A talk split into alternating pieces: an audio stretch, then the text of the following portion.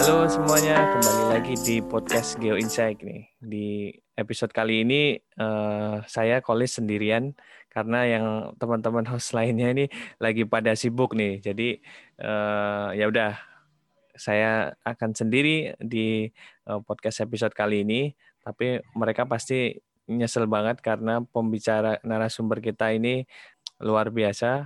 Gak ada yang nggak kenal beliau kalau berkecimpung di dunia pertambangan terutama uh, gold nih. Nah, saya akan menyapa dulu ada Pak Adi Mariono. Selamat siang Pak Adi Mariono. Selamat siang Mas Koles. Assalamualaikum warahmatullahi wabarakatuh. Waalaikumsalam. Terima kasih Pak Adi sudah berkenan nih menjadi narasumber di podcastnya Geo Insight. Nah, Pak Adi Mariono siapa sih? Nah, kita uh, background beliau itu geologis. Dulu beliau uh, kuliah di uh, geologi UGM, kemudian beliau melanjutkan kuliah di Kanada, Pak ya. Iya, betul. Kalau dibacain profilnya, beliau uh, panjang banget pengalaman kerjanya. yang sekarang aja nih ya. Nah, yang sekarang aja ini uh, beliau direktur G Resource Asia Pasifik sama Direktur PT Sulawesi Cahaya Mineral. Ini dua PT yang berbeda kan ya Pak ya? Cuma sama-sama jadi direktur Betul, aja ya. ya. Yang satu emas, yang satu nikel ya. Oh, hmm. oke. Okay. Jadi kalau teman-teman eh, terutama yang geoscience dan berkecimpung di dunia tambang harusnya kenal beliau nih. Kalau nggak kenal beliau ya berarti kurang jauh nih mainnya nih. nah, kita mau bahas apa sih di episode ini? Nah, kita mau ngomongin tentang emas nih. Tapi uh, bukan emas-emas di uh, Jawa ya yang banyak, tapi ini emas kita ngomongin gold. Di episode sebelumnya kita pernah ngomongin juga tentang emas ini. Uh, waktu itu kita obrolin dengan teman-teman host yang lainnya kenapa uh, emas ini bisa melambung uh, tinggi harganya gitu. Saat ini masih sering ke lapangan apa uh, di rumah aja, Pak? Wah, harus, Mas Cuma baru sekali sekarang di lapangan. Jadi artinya memang saya hobinya ke lapangan karena memang uh, what you see, what you believe gitu. Iya, yeah, iya. Yeah, Kalau yeah, di yeah. geologi eksplorasi ya. Iya, yeah, iya. Yeah.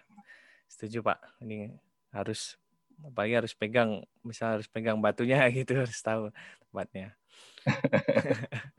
nah, Pak Adi, uh, mungkin beberapa pendengar kita ini kan beragam, Pak. Ada yang geoscience, ada yang uh, eh, non geoscience. Nah, mungkin bisa dijelasin dulu secara uh, gampang dan secara singkat, Pak. Sebenarnya gimana sih terbentuknya proses terbentuknya emas itu sendiri, Pak?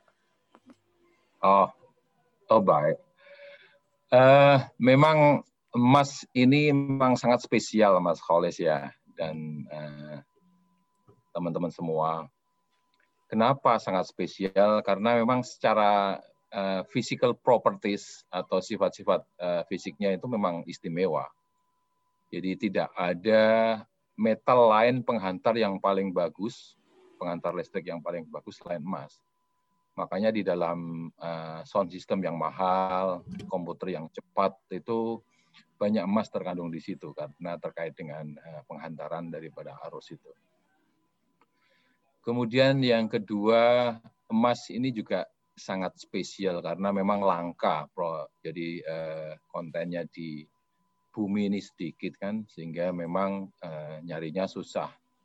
Dan eh, terkait dengan yang pertama tadi, karena emas mempunyai sifat-sifat yang indah, yang bagus. Jadi sejak ancient uh, emas itu menjadi suatu elemen atau satu logam yang sangat spesial gitu.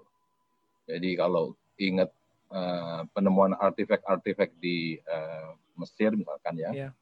itu selalu emas yang menjadi uh, suatu uh, tolok ukur uh, uh, apa namanya tingginya value atau tingginya suatu nilai gitu. Kemudian emas juga karena fisiknya itu sehingga orang memakai untuk uh, untuk apa namanya untuk uh, perhiasan. Perhiasan. Ya, uh, jadi karena dia tidak pernah bisa berkarat, penghantar listrik yang bagus, indah, warnanya mengkilap, ah, itulah menjadi perhiasan. Sehingga banyak hal kita kalau kawin kan ada mas kawin ya mas ya. Iya. Karena sifat-sifat itulah makanya bank sentral di dunia itu memakai emas sebagai satu cadangan.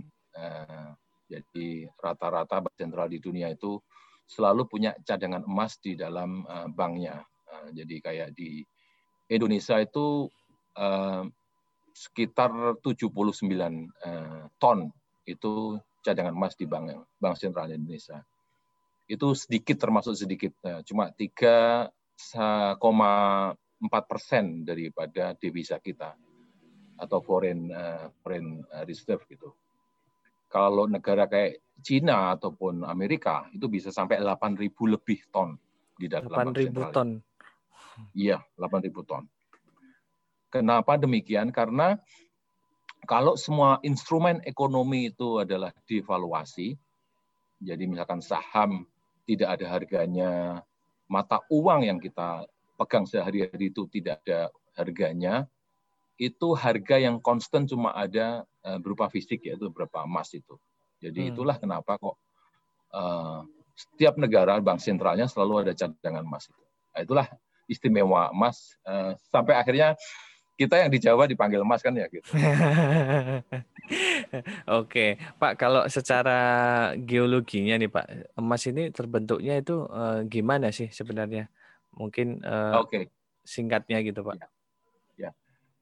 Kalau misalkan bumi itu kita potong ya Mas ya, kita potong, bumi kita potong. Yang paling atas itu kan namanya keras ya. Iya kemudian di bawah keras ada mantle, di bawah mantle kemudian ada inti cair, kemudian inti padat, ya. padat. ya. Hmm. Ya. Keras itu ketebalannya 15 sampai 100 uh, km, tebalnya ya. Nah, itu uh, rata-rata ketebalan. Lah, emas itu terbentuk ada di tiga level secara umum dari di dalam keras yang pertama adalah yang paling atas uh, dari surface sampai dengan uh, 5 km itu disebut magmatic gold.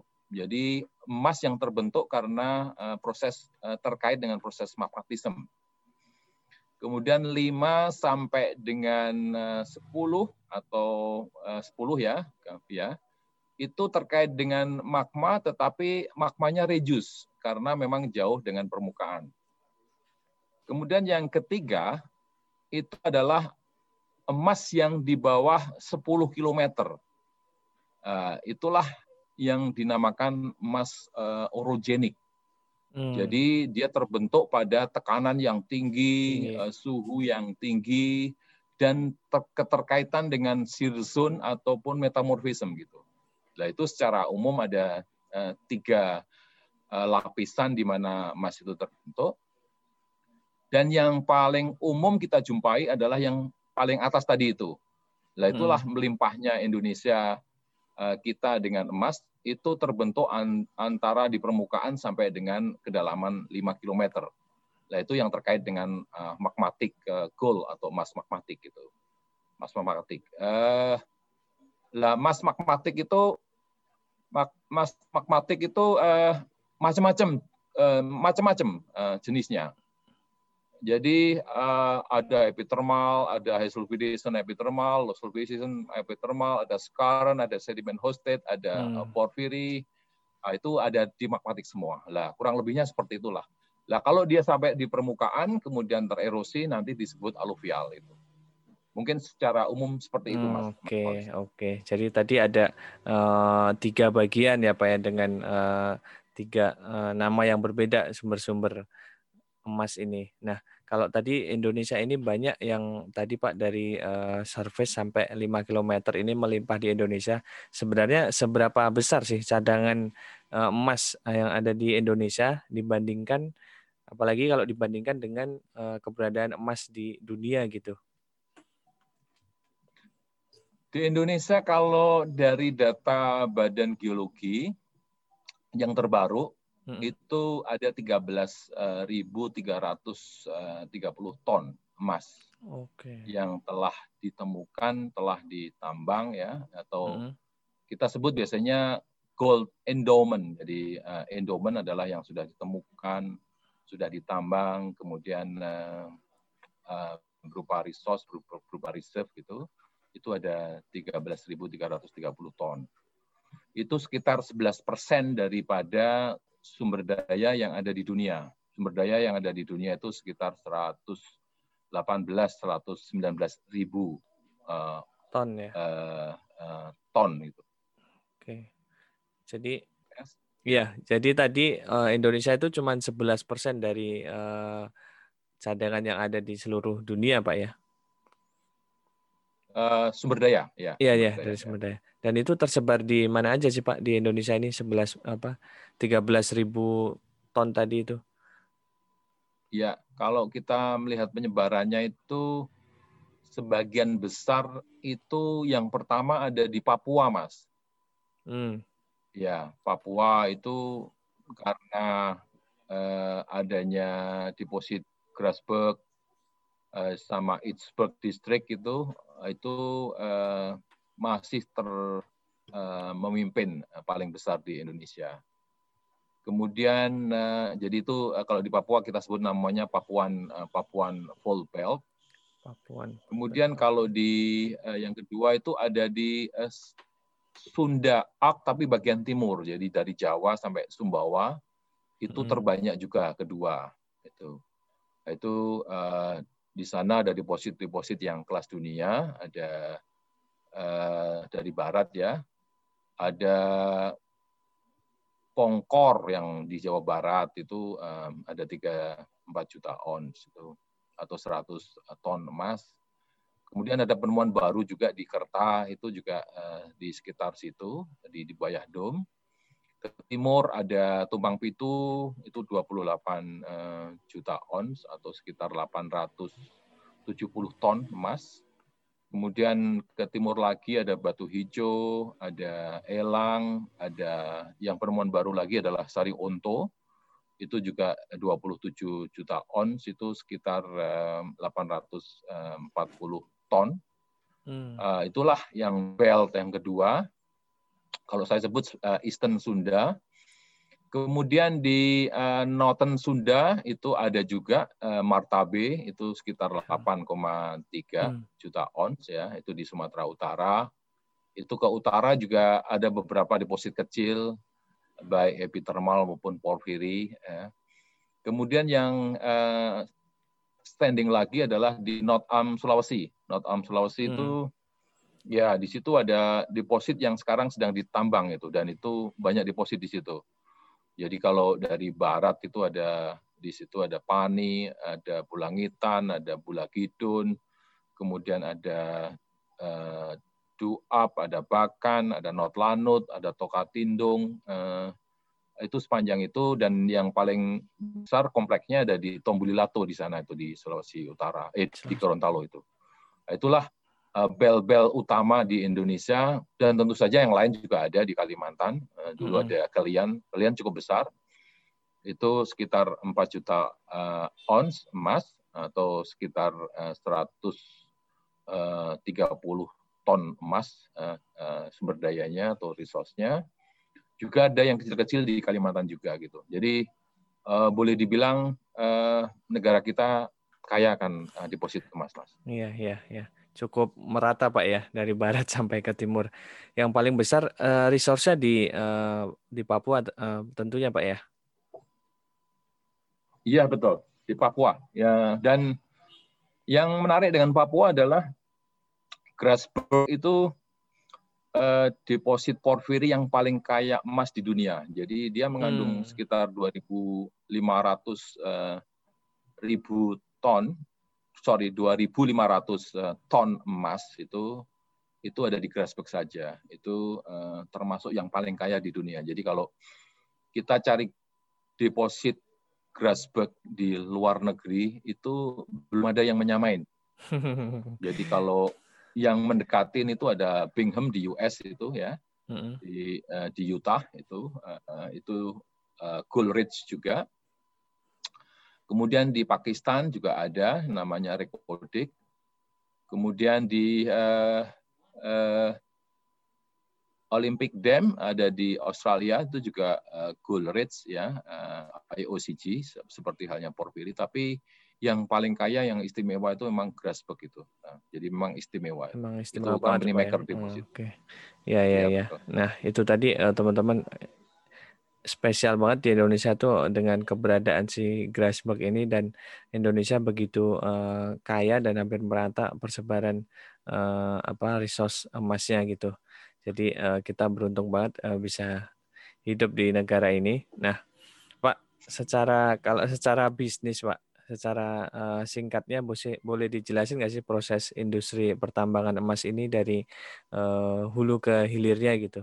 Seperti apa sih gitu?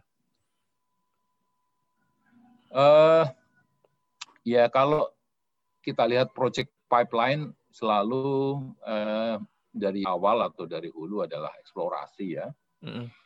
Kemudian dari eksplorasi, kemudian uh, yang kedua di, uh, kalau sudah ada discovery sudah ditemukan, dikembangkan atau development. Setelah itu uh, konstruksi, baru setelah itu produksi. Jadi ada uh, empat fase uh, project pipeline gitu. Dan masing-masing mempunyai suatu uh, satu challenge tersendiri. Jadi kalau dia, kita bicara eksplorasi adalah bagaimana dengan knowledge uh, yang ada dengan scientific approach ya, dengan kerja keras dengan uh, kerja cerdas itu di ultimate uh, aim-nya adalah kita bisa uh, membuat discovery dan itu kebanggaan uh, saya pribadi dan kebanggaan kita sebagai exploration geologist itu ada di situ.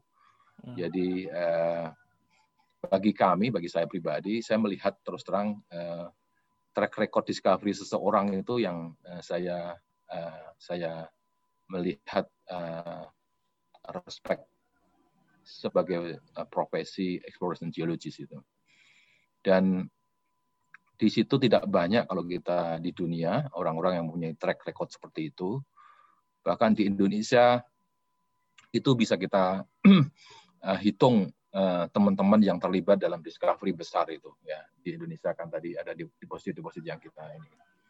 Jadi itulah aim paling utama adalah discovery dan itu memang uh, tidak uh, tidak sering bisa terjadi. Jadi kalau lihat discovery yang kecil-kecil mungkin uh, deposit emas kecil mungkin setiap hmm. dua sampai tiga tahun ada discovery kecil, discovery kecil. Uh, kecil pengertiannya adalah satu juta ons atau sekitar 30 ton emas ya. Uh, itu dua tiga tahun. Tapi kalau namanya terus uh, discovery yang besar di Indonesia itu terjadi 10 tahun sekali, boleh dibilang setiap 10 tahun sekali itu di exploration-nya itu. Dan itu termasuk uh, success ratio di Indonesia termasuk tinggi. Karena negara kita pernah di-rank oleh uh, Fraser Institute maupun kompilasi beberapa perusahaan. Uh, dulu uh, saya pribadi terlibat ketika di Newmont. Itu kita termasuk yang well endowed um, uh, untuk uh, mineral dan batu bara. Jadi kita termasuk kaya kan tadi itu. Jadi 11% daripada total sumber daya di dunia itu besar mas, besar sekali itu. Gitu. Uh, kemudian fase pengembangan, fase, fase pengembangan atau development itu adalah memahami uh, depositnya, mendelineasi resource, mendelineasi reserve, dan memahami depositnya. Depositnya ini bisa diproses dengan cara apa, mineraloginya seperti apa, ordo miningnya seperti apa, recovery-nya berapa, dan itu juga nggak mudah. Sehingga ber, sekarang berkembang namanya geometallurgy eh, science kan untuk hmm. eh, untuk bisa lebih predictable terhadap pengembangan. Dan di situ eh, kita pastikan semua aspek eh, adalah eh, kita faktorin. Jadi kalau eh, masih ingat teman-teman Uh, modifying factor di dalam uh, penghitungan atau peng, pena, uh, estimasi reserve atau cadangan itu semua di, uh, dipertimbangkan dari aspek mining, aspek metalurgi, aspek processing, aspek permitting, aspek sosial, aspek safety, aspek uh, infrastructure, semua dipertimbangkan. Jadi uh, kita perlu uh, mengembangkan suatu industri yang memang ramah lingkungan, uh, kemudian mempunyai concern safety yang tinggi, Hmm. dan mempunyai kepedulian terhadap sosial karena harus memberikan uh, manfaat ke sosial. Demikian juga karyawan dan tidak hanya oleh uh, untuk shareholder. Jadi artinya bahwa kalau kita bicara industri, semua aspek harus dipertimbangkan. Nah, itulah di dalam uh, fase uh, development tadi itu. Development. Nah, setelah itu uh, construction, uh, fasilitas dibangun, dan uh, kita harapkan bisa selesai dalam setahun, dua tahun, tiga tahun, tergantung besarnya proyek. Biasanya proyek yang besar seperti Batu Hijau dulu memerlukan hmm. waktu tiga tahun, 96, uh, 97, 98, 99. Itu pada waktu membangun proyek sekelas Batu Hijau. Nah, itu uh, 2,3 uh, billion US dollar itu untuk capital expenditure-nya. Okay. Itu uh, salah satu tambang besar di Indonesia pada waktu itu. 10.000 orang uh, kerja di sana Terlibat, dan ya. memberikan ya. manfaat yang cukup besar. Dan setelah itu adalah uh, setelah fase development, uh, construction adalah fase production. Hmm. Dan itulah kita harapkan uh, empat nilai tadi itu uh, tetap dipegang dari sejak awal produksi, yaitu nilai-nilai um, environment, nilai-nilai safety, nilai-nilai uh, social license to operate dan nilai-nilai produksi. Ada cash cost di situ di dalam produksi, ada apa namanya, ada all in sustaining cost yang harus dijaga juga. Mungkin demikian, Mas. Iya, luar biasa. Uh, penjelasan dari Pak Adi tadi sudah uh, cukup jelas nih, Pak. Nah, Pak, uh, di industri pertam apa industri pertambangan Indonesia sendiri, Pak, menurut Pak Adi gimana sih uh, sekarang ini kondisinya dan uh, 5 sampai 10 tahun ke depan itu bakal uh, seperti apa gitu? Tadi kan ada uh, apa discovery discovery baru kan rasionya kalau yang besar kan 10 tahun ya. Apakah mungkin nanti akan ada discovery discovery baru lagi uh, selama 10 tahun ke depan atau maupun discovery-discovery uh, kecil lainnya gitu. Indonesia, ya, uh, negeri tercinta. uh, kita harus akui bahwa sejak Undang-Undang Nomor 4 Tahun 2009 mm -hmm. itu dikeluarkan, itu memang uh, momentumnya juga nggak pas ya. Selain undang-undangnya sendiri tidak friendly terhadap uh, nature daripada bisnis gitu sehingga di, boleh dibilang sejak 2010 cukup lama kita 10 tahun terakhir itu mm -hmm.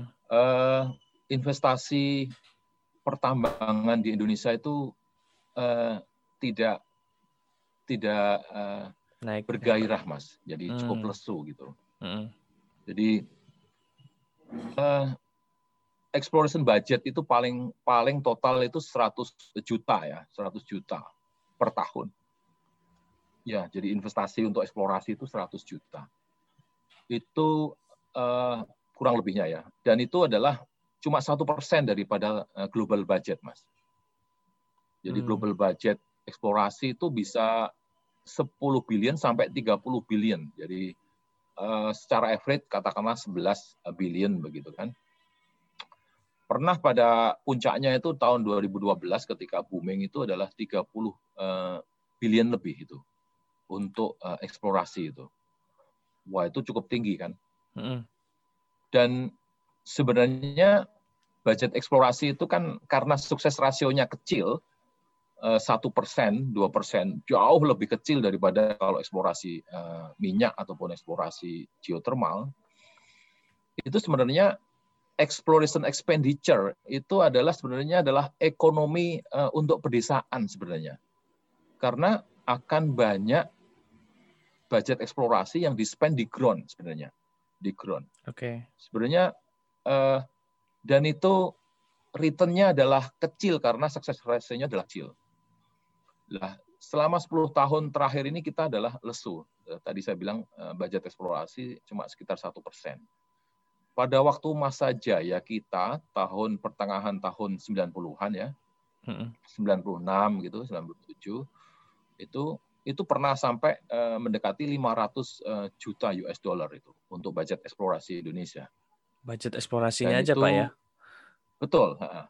Itu belum development loh ya. Mm -hmm. Karena kalau development kayak Batu Hijau tadi saya ceritakan 2,3 billion mas okay. untuk diinvest di situ mm. selama tiga tahun gitu. Selama tiga tahun ya. Ya. Jadi kita ya itu yang yang terlibat dulu 10 sampai 15 ribu orang pekerja di sana itu. Jadi kalau ya, sekarang kita lihat eh, eksplorasi kita agak lesu ini. Padahal produksi kita dengan uh, itu itu cukup signifikan mas. Pada waktu jaya itu kita pernah lebih dari lima persen atau enam persen sampai tujuh persen uh, dari total produk, produksi dunia. Dan kalau lihat uh, sumber daya kita itu lebih dari 11 persen tadi kan kita diskusikan hmm. itu. Jadi potensi kita banyak tapi eksplorasinya lemah gitu. Nah ini momentum undang-undang uh, uh, undang -undang baru yang lebih akomodatif terhadap eh, investasi investor uh, pertambangan emas khususnya itu Undang -undang... kita harapkan akan uh, nomor, tiga. nomor tiga ya pak ya tahun, nomor tiga tahun 2020 ya, ini ya 2020 okay. ya betul uh, betul uh, jadi mudah-mudahan uh, saya pribadi melihat uh, mudah-mudahan ini menjadi satu uh, step yang bagus untuk uh, industri kita ke depan. Hmm. Oke, terutama dalam menggairahkan untuk uh, eksplorasi ya tadi Pak ya. Dan uh, menarik eksplorasi uh, in, betul. Ya, dan menarik investor-investor. Uh, Oke. Ya, kalau nggak salah itu uh, tanda di presiden uh, pertengahan tahun kemarin Pak ya. Pertengahan tahun ini 2020 gitu. nah, uh, betul sekali ya. ya Pak Adi, uh, cadangan Indonesia cukup uh, besar 11 eh, persen. Kemudian sekarang dengan Undang-Undang Nomor 3 Tahun 2020 juga mungkin eh, akan berdampak uh, signifikan positif gitu. Nah, bagi uh, geos-geos milenial nih Pak, ataupun teman-teman yang masih fresh graduate, kira-kira nanti ke depannya ini masih uh, jadi industri yang seksi nggak sih di untuk terjun ke dunia pertambangan nih, terutama uh, mau jadi apa uh, sebagai exploration geologis atau yang lainnya, terutama di bidang emas ini Pak. Uh, saya cukup optimistik mas. Memang nature saya optim, optimistik ya. Yeah. Dengan melihat industri kita dan uh, untuk adik-adik milenial ini ya.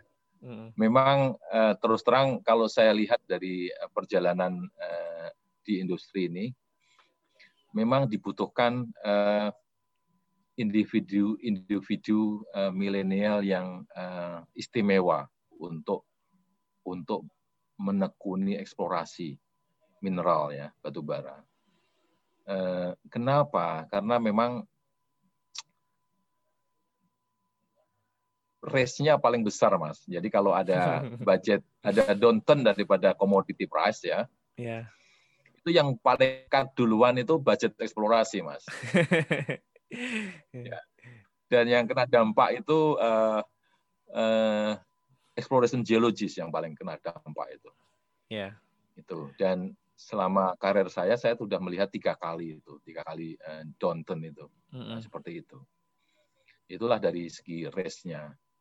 Segi uh, jenis kerjaannya itu exploration geologis itu paling susah mas. ya kalau kalau kita ke satu daerah itu belum tentu Pak Kepala Desa atau masyarakat di sana pernah ke tempat itu, Mas. Iya, iya, benar, Pak. Jadi kita bisa jalan uh, tujuh hari begitu kan uh, hmm. harus di flying camp gitu. flying camp masuk masuk terpencil iya iya jadi butuh individu-individu atau milenial yang memang enjoy adventure enjoy alam begitu hmm. ya kemudian aspek yang ketiga itu uh, dibutuhkan eh, individu-individu yang memang berpikir bebas dan uh, kreatif gitu. Tetapi masih dalam koridor science ya, karena kita kan orang uh, masyarakat intelektual ya. Jadi nggak bisa kita mengemukakan pendapat atau hipotesa tanpa ada dasar analisa dan tidak ada dasar uh, data itu nggak bisa. Uh, sehingga memang uh, kita uh, boleh dibilang managing exploration itu managing ideas sehingga ruang untuk berkreativiti uh, ruang untuk uh, ide-ide baru itu itu harus subur di situ hmm. dan kita tidak boleh mematikan ide-ide baru itu kecuali ketika dipatahkan di dalam diskusi ilmiah itu karena at the end of the day itu memang uh, seperti halnya dokter ya, itu operasilah nanti pembuktiannya. Kalau di eh, eh, kalau di kita di drilling itulah ya iya. pembuktiannya. Yeah. Ya, yeah. itu di situ. Nah, namun ada juga teman-teman yang memang eh, harus kita kenalin eh, tidak banyak bisa berdebat secara sains, tetapi beliau mempunyai suatu field feeling yang tinggi begitu. Itu saya pernah menjumpai beberapa orang yang seperti itu. Hmm. Sehingga ketika diskusi mungkin beliau kalah, tetapi ketika dalam pembuktian itu bisa terbukti benar ketika di board itu. Itu saya uh, menjumpai juga yang individu, individu seperti itu. Sehingga ketika nanti adik-adik terjun di eksplorasi menjadi manajer harus mengenali nature dari pas, pada masing-masing uh, team members gitu. Hmm. Nah, saya pribadi ke industri kita akan uh, akan positif ke depan, akan uh, optimistik, yaitu dengan momentum pertama adalah momentum undang-undang, undang baru, undang yang baru nomor 3 tahun 2020. Memang kita kita masih menunggu peraturan pemerintahnya, PP-nya, hmm. yang kita harapkan nanti akan uh, juga positif. Yang kedua adalah uh, goal price masih uh, tinggi masih banget ya, tinggi ya, dengan ketid betul dengan ketidakmentuan ekonomi sekarang ini uh, semua orang uh, lari ke emas gitu. Emas ya. Ya. Ya, apalagi misalkan kayak Amerika itu kan solusinya selalu printing uh, dolar kan ya. Mm -hmm. Printing dolar selalu, selalu uh, Amerika karena memang uh, mata uangnya kuat sekali sehingga mereka nggak berpengaruh terhadap uh, apa uh, depresiasi daripada dolar gitu. Uh, yang ketiga supply demand uh, emas ini masih sangat healthy. Jadi artinya uh, untuk supply yang uh, besar itu uh, jarang terjadi. Jadi artinya demand akan selalu uh, ini. Jadi uh, dalam negeri saya pikir akan akan cukup uh, positif. Oke, ya itu teman-teman yang mau sih mau berkarir nih di dunia uh, pertambangan terutama di uh, bidang emas ini uh, masih positif. Karena selain tadi yang sudah dijelaskan Pak Adi dan ada momentum uh, pergantian pengesahan undang-undang yang baru untuk mengganti undang-undang uh, nomor 4 tahun 2009 ini ke depannya diharapkan industri ini akan positif dan mungkin bisa menyerap uh, geos-geos yang masih sekarang milen uh, masih masih di masih kuliah di kampus Memang. atau masih baru lulus gitu. Nah, terakhir Pak Adi uh, pesan buat teman-teman pendengar Geo Insight dan mungkin uh, karena ke, kebanyakan saat ini pendengarnya juga anak-anak uh, muda dari kalangan uh, geoscientist gitu. Jadi mungkin ada pesan dari Pak Adi secara general untuk menghadapi misalkan kondisi sekarang ini yang emang uh, lagi down ini untuk ke depannya biar tetap semangat dan tetap terus belajar gitu Pak Adi.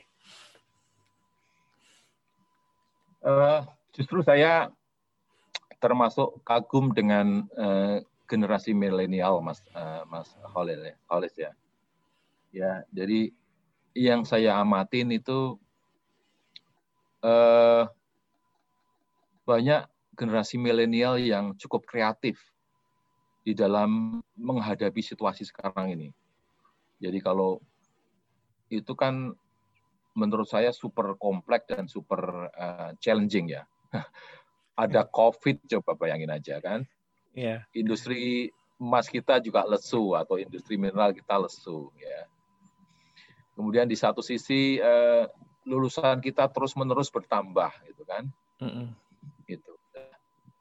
Saya sejak saya sering berinteraksi dengan teman-teman uh, adik-adik milenial ya uh, mereka sangat kreatif dan mereka uh, cukup inspiring menurut saya buat yang teman-teman lain dan ini ini makanya perlu saya sampaikan. Uh, yang pertama mereka mereka inisiatif ke lapangan sendiri, Mas Kholis. Hmm. Dan saat ini uh, saya secara intens dengan adik-adik di UGM, di UPN dan uh, dan dari Atnas di Jogja terutama ya karena memang uh, ini ini sering konsultasi ke lapangan gitu. Dan mereka eh, dengan biaya sendiri. Dan mereka karena kebetulan memang riset saya dengan uh, coach dengan Tasmania itu adalah belt di Sunda ya. Mm. Itu uh, kita banyak diskusi di situ. Dan itu terus terang spirit itu bagi saya pribadi luar biasa dari adik-adik uh, uh, milenial. Milenial. Hmm. Ya betul. Mereka ke Pacitan sendiri, ke Tulungagung sendiri, ke sendiri ya. Dengan biaya Dan sendiri itu, Pak ya. biaya sendiri. Ya. Makanya uh, saya berusaha untuk kontak teman-teman di luar untuk bagaimana ini bisa connect begitu. Hmm. Jadi uh, itu satu hal uh, ya yang bisa kita lihat. Yang kedua, itu adik-adik itu coba untuk menggabungkan jadi kelebihan daripada milenial itu kan gadget literate ya hmm. istilahnya ya kan uh, yeah. mereka mencoba untuk membuat satu uh, artificial intelligence untuk eksplorasi dan itu mahasiswa dan lulusan baru gitu mahasiswa dan lulusan baru. Dan terus-menerus datang ke rumah, kemudian eh, kita diskusi, dan itu totalnya mereka independen. Eh, memang ada hmm. beberapa hal yang menjadi masukan eh, yang saya sampaikan. Akhirnya mereka menang, Mas, di dalam color competition di Australia. Dan sekarang mereka mengikuti kompetisi di Kanada. Coba bayangin aja, seorang atau kelompok mahasiswa dan fresh graduate hmm. bisa memenangkan kompetisi seperti itu. Itu menurut saya luar biasa di tengah-tengah yang seperti ini itu. Dan itu sangat inspiring buat teman-teman kita semua. Mereka bahasa Inggrisnya bagus, eh, komputernya bagus, eh, visual grafiknya juga bagus. Eh, memang knowledge eksplorasinya harus kita isi di situ. Mm. Nah itulah yang terus saya itu satu hal yang luar biasa. Yang ketiga, itu adik-adik milenial ini sangat aktif nih dari melewat uh, student chapter ini. Dan itu hmm. bisa menggerakkan yang ada di kampus. Bersama dengan MGI, bersama dengan IAG, itu aktivitas itu bergerak. Ada field trip, ya, ada lecture, ada uh, forum di MGI. Mereka semualah yang uh, bergerak gitu dan uh, eh, MGI mengakomodasi dengan ada istilahnya ada ada camp kan ya ada student camp itu, yeah. ada student chapter camp itu itu menurut saya luar biasa mas dan belum lagi leadership yang lebih senior seperti uh, uh, forum Jusantis muda ya. Mm -hmm. itu menurut saya luar biasa. Ya. Jadi optimisme optimisme kecil inilah yang menurut saya yang menurut saya akan merubah Indonesia kalau kita mempunyai satu attitude yang demikian bahwa kita tidak tergantung siapa-siapa. Kita bisa melakukan uh, sendiri dengan apa yang kita punya dan itu menurut saya akan uh, banyak mempengaruhi Indonesia gitu. Dan uh, saya optimis uh, dengan milenial yang sekarang. Pesan saya cuma satu aja bahwa eh, apa namanya tidak ada sesuatu hal yang instan tidak ada. Jadi kalau bahasa bahasa Jawanya itu jer basuki momobeo kan yeah. ya artinya uh, kalau orang Jawa bilang itu ilmu itu didapatkannya dengan laku itu harus, hmm. harus uh, itu memang betul itu jadi tidak bisa instan ya ada proses ada hard work ada smart work ada hardship ada sacrifice nah, itu uh, harapan saya ke milenial itu uh, kita tetap harus uh, persisten bahwa tidak sekali bahwa kita coba itu langsung sukses. Kami dulu yang atau banyak orang yang sukses yang bisa kita lihat selalu kalau kita lihat perjalanan hidupnya adalah selalu dengan suatu perjalanan yang panjang, melelahkan, berat, yang akhirnya menjadi happy ending gitu. Ya. Gitu ya. Mas. Koles, ya. ya. Dan kadang orang melihatnya cuman happy endingnya aja Pak ya, nggak lihat di belakangnya terjal-terjalnya, susah-susahnya seperti apa. Iya, itu teman-teman apa saintis muda harus uh, tadi udah diceritakan begitu uh, kreatif, uh, inovatif dan dengan kelebihan uh, kita saat ini dengan lebih melek teknologi memang secara experience emang kita harus uh, berkolaborasi dengan orang-orang uh, yang hmm. lebih senior seperti Pak uh, Pak Adi Mariono ini. Jadi uh, kolaborasi ini juga akan menjadi kunci uh, untuk bisa lebih uh, menghasilkan sesuatu yang uh, bernilai lebih gitu. Oke, Pak Adi. Terima kasih. Sama-sama Mas, terima kasih sudah juga. menjadi narasumber di podcast. Uh, di episode kali ini, ini jadi episode yang ke 38 kalau nggak salah Pak. Terima kasih Pak Adi atas uh, kesempatannya. Jangan lupa follow Instagram uh, GeoInsight at GeoInsight.id dan di YouTube kita at GeoInsight.id. Terima kasih Pak Adi Mariono. Pak Adi Mariono ada Instagramnya nggak biar kita promosi ini? Enggak, Mas, saya enggak. Oh iya, enggak di LinkedIn ada Pak ya? dengan medsos. ya, ya. Oke, baik Pak Adi. Ya, di LinkedIn ada. Ya, teman-teman bisa kenal Pak Adi Mariono nih, bisa cari di LinkedIn. Oke, terima kasih Pak Adi Mariono sudah uh, menjadi narasumber kita di ya episode kali ini. Bye bye. Assalamualaikum.